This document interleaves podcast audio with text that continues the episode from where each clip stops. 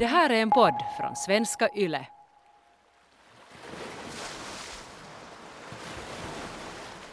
Vid stranden av Runsala utanför Åbo fann man för ett par dagar sedan liket av en kvinna. Liket var ombundet med ett rep. Det är ännu icke fullt utrett huruvida ett mord eller ett självmord föreligger. Viborgs Nyheter den 7 maj år 1926.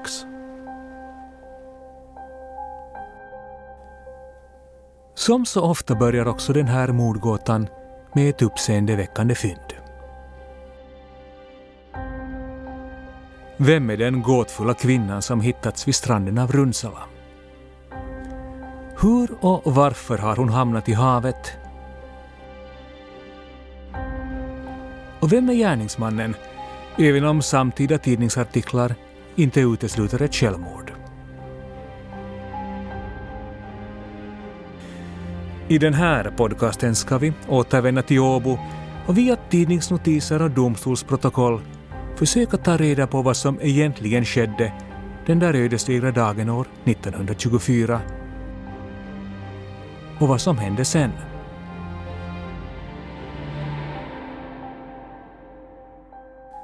Finlandssvenska krimpodden presenterar Dagen då Alma försvann, societetsmordet i Åbo som upprörde en hel nation. Mitt namn är Petter Lindberg.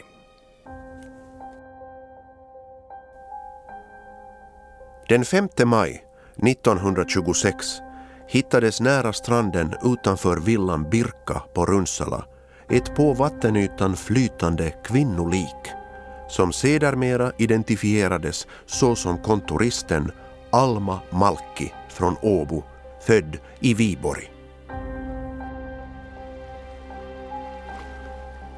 Liket bar strumpor och kängor samt på ena handen resterna av en handske, men var i övrigt naket. Kroppen var starkt uppsvälld och huden hårdnad på grund av långvarig vistelse i vattnet. På låren upptäcktes tvärgående fördjupningar, synbarligen utgörande spår efter rep. Obduktionen gav icke klarhet om hur döden inträtt, men allt tydde på att ett brott blivit begånget. Det var inte bara Kotka Nyheter som rapporterade om det uppseendeväckande fyndet. Många tidningar hakade på och skrev om den unga kvinnan som av allt att döma blivit mördad. Repstumpar tydde på att hon varit bunden, men i övrigt var det svårt att fastställa en dödsorsak. Det framgår också i många förhörsprotokoll där konstapel Gustav Olmar Sillanpää redogör hur han och gubben Syrja som gjort likfyndet försökte bärga kroppen som blivit hårt åtgången av vatten, is och stenar. I domstolsprotokollen framgår också hur konstapel Sillanpää kontaktar den detektiva avdelningen och beställer en bil för att få kroppen transporterad till Åbo. I telefonen redogör han för kommissarie Lindberg om den okända kvinnan som legat i strandbrynet. Kommissarie Lindberg lyssnar noggrant vad Sillanpää har att berätta och lovar att så fort som möjligt komma till fyndplatsen tillsammans med kommissarie Aalto. Kroppen bärgas och transporteras till bårhuset i Åbo. Polisens utredning visar att kvinnan som hittats vid Runsala är den knappt 30 år gamla kontoristen Alma Malki. Hon har varit försvunnen i ett och ett halvt års tid. Eftersom hon saknar närstående släktingar och rykten gjort gällande att hon flyttat utomlands så verkar polisen ganska halvhjärtat ha efterforskat i hennes försvinnande. Men eh, nu är kommissarierna Aalto och Lindberg tvungna att ta itu med fallet på nytt. Fort får också tidningarna reda på den döda kvinnans identitet och börjar dra sina egna slutsatser om vad som Alma Malki råkat ut för.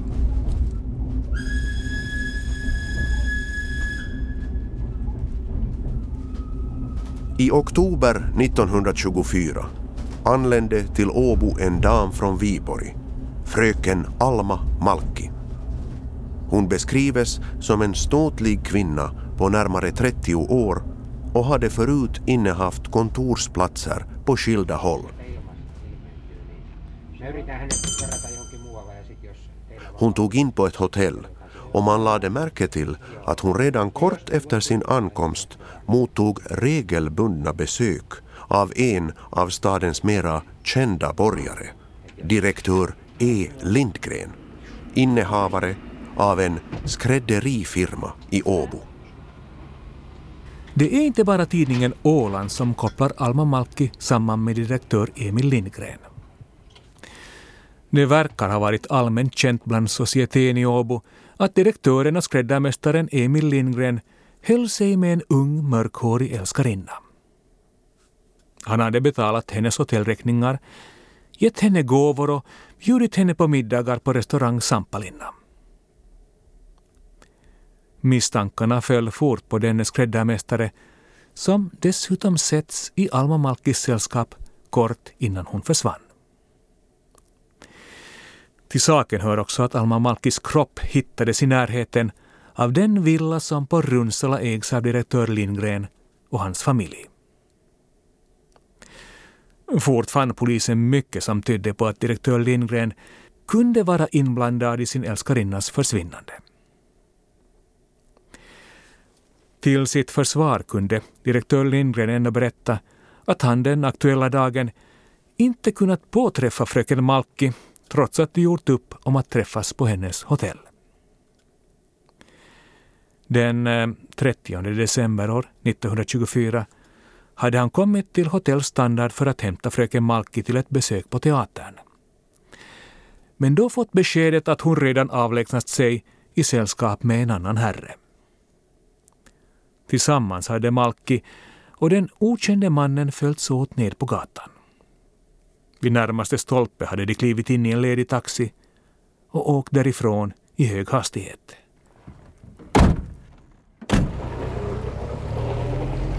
Sedan dess hade fröken Malki varit försvunnen.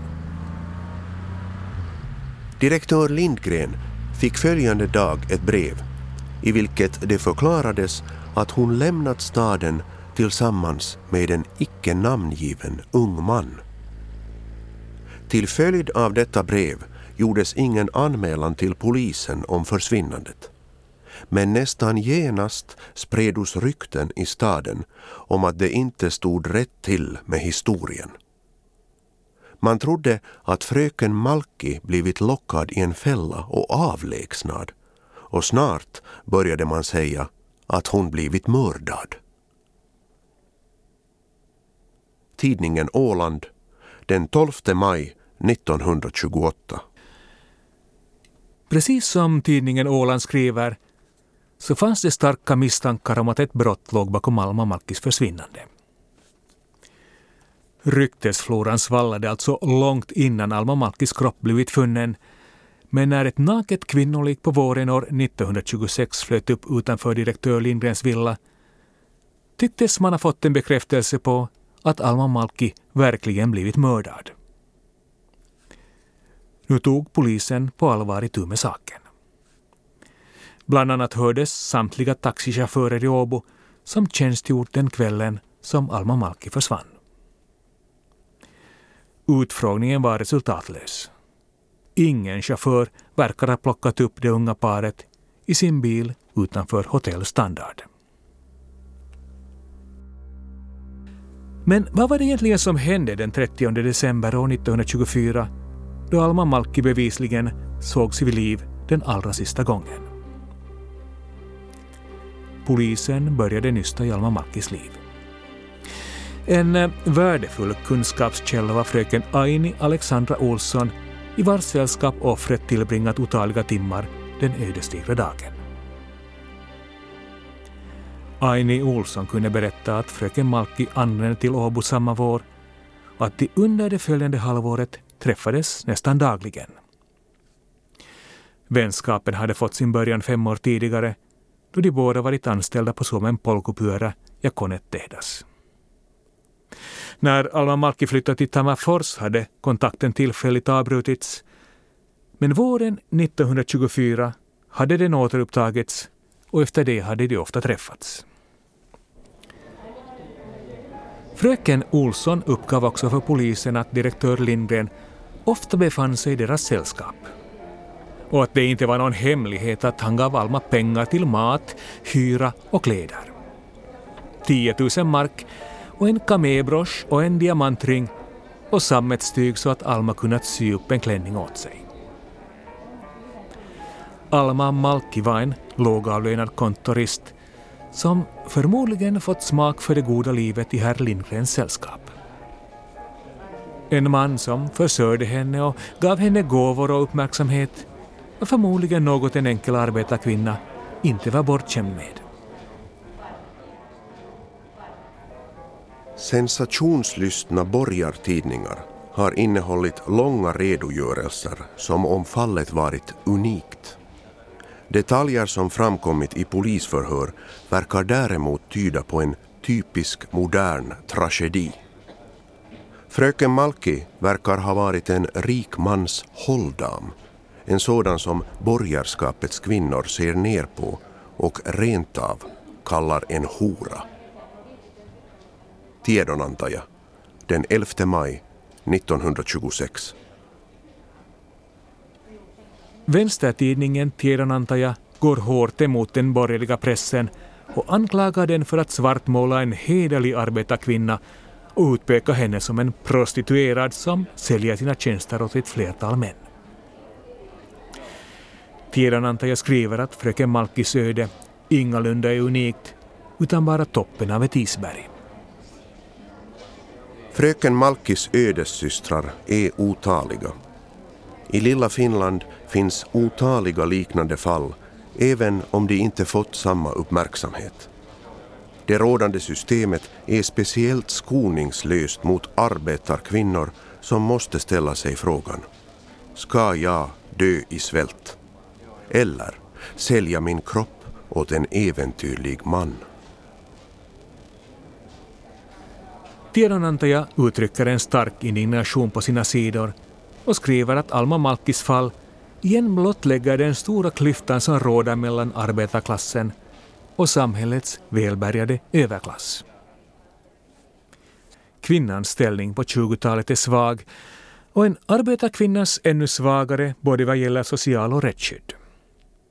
Inte så konstigt alltså om Alma Malki väljer pengar och uppvaktning istället för slit och borgarklassens förakt gentemot en obetydlig kontorist.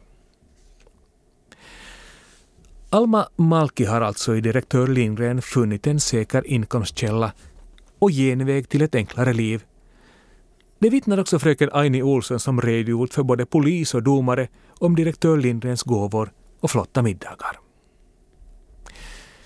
Fröken Olsson berättar också om hur fröken Malki hämtat henne på kontoret och hur de tillbringat eftermiddagen på stan den ödesdigra dagen den 30 december. Vid sextiden hade de återvänt till hotellet eftersom Alma skulle klä om sig för teaterföreställningen som direktör Lindgren införskaffat biljetter till.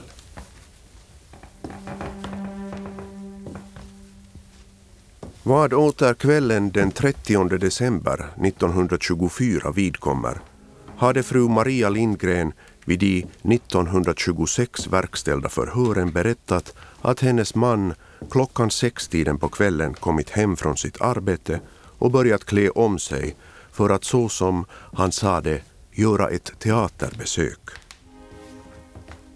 Med vem detta teaterbesök skulle äga rum hade han icke sagt men fru Lindgren hade anat att detta var med fröken Malki. Fru Lindgren var då sedan någon tid tillbaka sjuk. Senare på kvällen hade herr Lindgren ett par gånger ringt upp hemmet och frågat om någon sökt honom per telefon. Vid det andra samtalet, klockan nio tiden, hade han meddelat dottern som svarat i telefonen att han haft för avsikt att gå på teatern men icke träffat en person så som överenskommet varit. Åbo underrättelse rapporterar om hur direktör Linden gjort sig klar inför teaterbesöket men hur någonting uppenbarligen gått galet eftersom den vidtalade personen aldrig dykt upp. Åbo underrättelse fortsätter. Sedan direktör Lindgren klätt sig för teaterbesöket hade han enligt avgivna vittnesmål begivit sig till Hotell Standard för att avhämta fröken Malki. Då dörren till hennes rum varit låst hade han antagit att hon icke brytt sig om att invänta honom utan gått i förväg. Lindgren hade då begivit sig till teatern men icke anträffat henne där varför han återvänt till hotellet. Med en av hotellets nycklar hade han gått in i fröken Malkis rum och väntat där över natten. Vart hade Alma Malki tagit vägen? Och vem var den man som hon setts avlägsna sig med? Polisen med kommissarie Aalto och Lindberg i spetsen började undersöka fallet på allvar och återigen vände man sig till fröken Olsson som tillbringat de sista timmarna tillsammans med offret på Hotell Standard. Fröken Olsson berättar att någon knackat på hotellrumsdörren strax före sju. Alma hade begett sig ut i tamburen för att ta reda på om det var direktör Lindgren som anlände i förtid, säger fröken Olsson och tillägger att fröken Malki kort därefter var tillbaka och sa att en okänd mansperson önskade träffa henne i enrum. Fröken Olsson uppger att Alma sett orolig ut och att hon själv frågat vad mannen ville. Men att Alma inte svarat utan endast sagt att hon omedelbart måste ge sig iväg. När fröken Olsson undrat vart Alma tänkte resa hade väninnan skakat på huvudet och utropat O fasa, vad ska det bliva av detta? Fröken Malki hade under stor brådska tagit av sig sin teaterklänning och tagit på en annan och därvid visat tydlig nervositet. Hon hade bland annat fäst sina skosnören så oregelbundet att fröken Olsson fäst sig vid detta och då liket anträffades 1926 kunde hon påminna sig sättet på vilket skon snörts. Sedan fröken Malki fullbordat sin klädsel hade hon, fröken Olsson och den obekante mannen med hissen begivit sig till bottenvåningen och därifrån ut på gatan. Fröken Malki hade låst dörren efter sig och tagit med sig nyckeln. Trion gör en snabb sorti från hotellet. Fröken Olsson känner inte den främmande mannen som dykt upp på hotellet, men Alma Malki verkar vara bekant med mannen som omedelbart fått henne att överge teaterplanerna och tveklöst kasta sig in i en väntande taxi. Det här är sista gången fröken Olsson ser sin väninna vid liv. Följande gång de träffas ligger Alma Malki på ett bårhus i Åbo, naken men fortfarande med de kängor på fötterna som hon i hast snört på sig då hon lämnat hotellstandard i ilfart ett och ett halvt år tidigare. Fröken Olsson ser taxibilen rulla längs Eriksgatan mot brandkårshuset. I samma stund vevas en sidoruta ner och fröken Olsson hör hur Alma överröstar motorljudet och ropar att hon nog ska höra av sig följande dag. Sen är Alma och den okände mannen borta. I vaga ordalag beskriver fröken Olsson hur mannen varit klädd i en mörk paletå, att han burit en hård filthatt och varit mörklätt.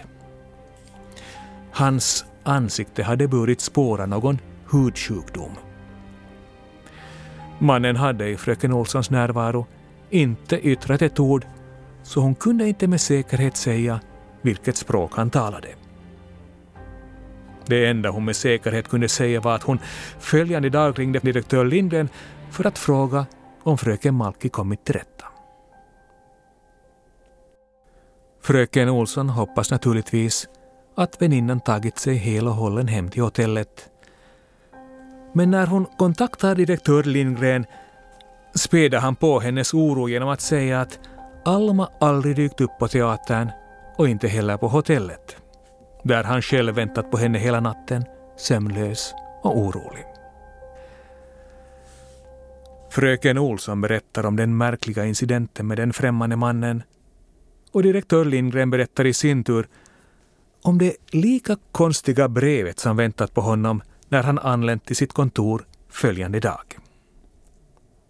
Huvudstadsbladet den 16 maj citerar brevet. Jag har tillsammans med Alma rest bort från Åbo. Jag är rik, men yngre än ni. Därför kommer hon med mig. Hon har fått nog av edra penningar och eder ålder. Vi reser så hastigt att ni får taga vara på Almas tillhörigheter och betala räkningarna. Vi hoppas att ni väl skall få saken klar för er. Unga paret. Har Alma Malki rymt med en yngre man som brevet låter påskina? Eller ligger det verkligen ett brott i bakgrunden? I nästa avsnitt ökar de misstänktas antal och en märklig bekännelse skapar huvudbry hos polisen. Du har hört det första avsnittet av Finlandssvenska krimpodden Dagen då Alma försvann. Mitt namn är Petter Lindberg.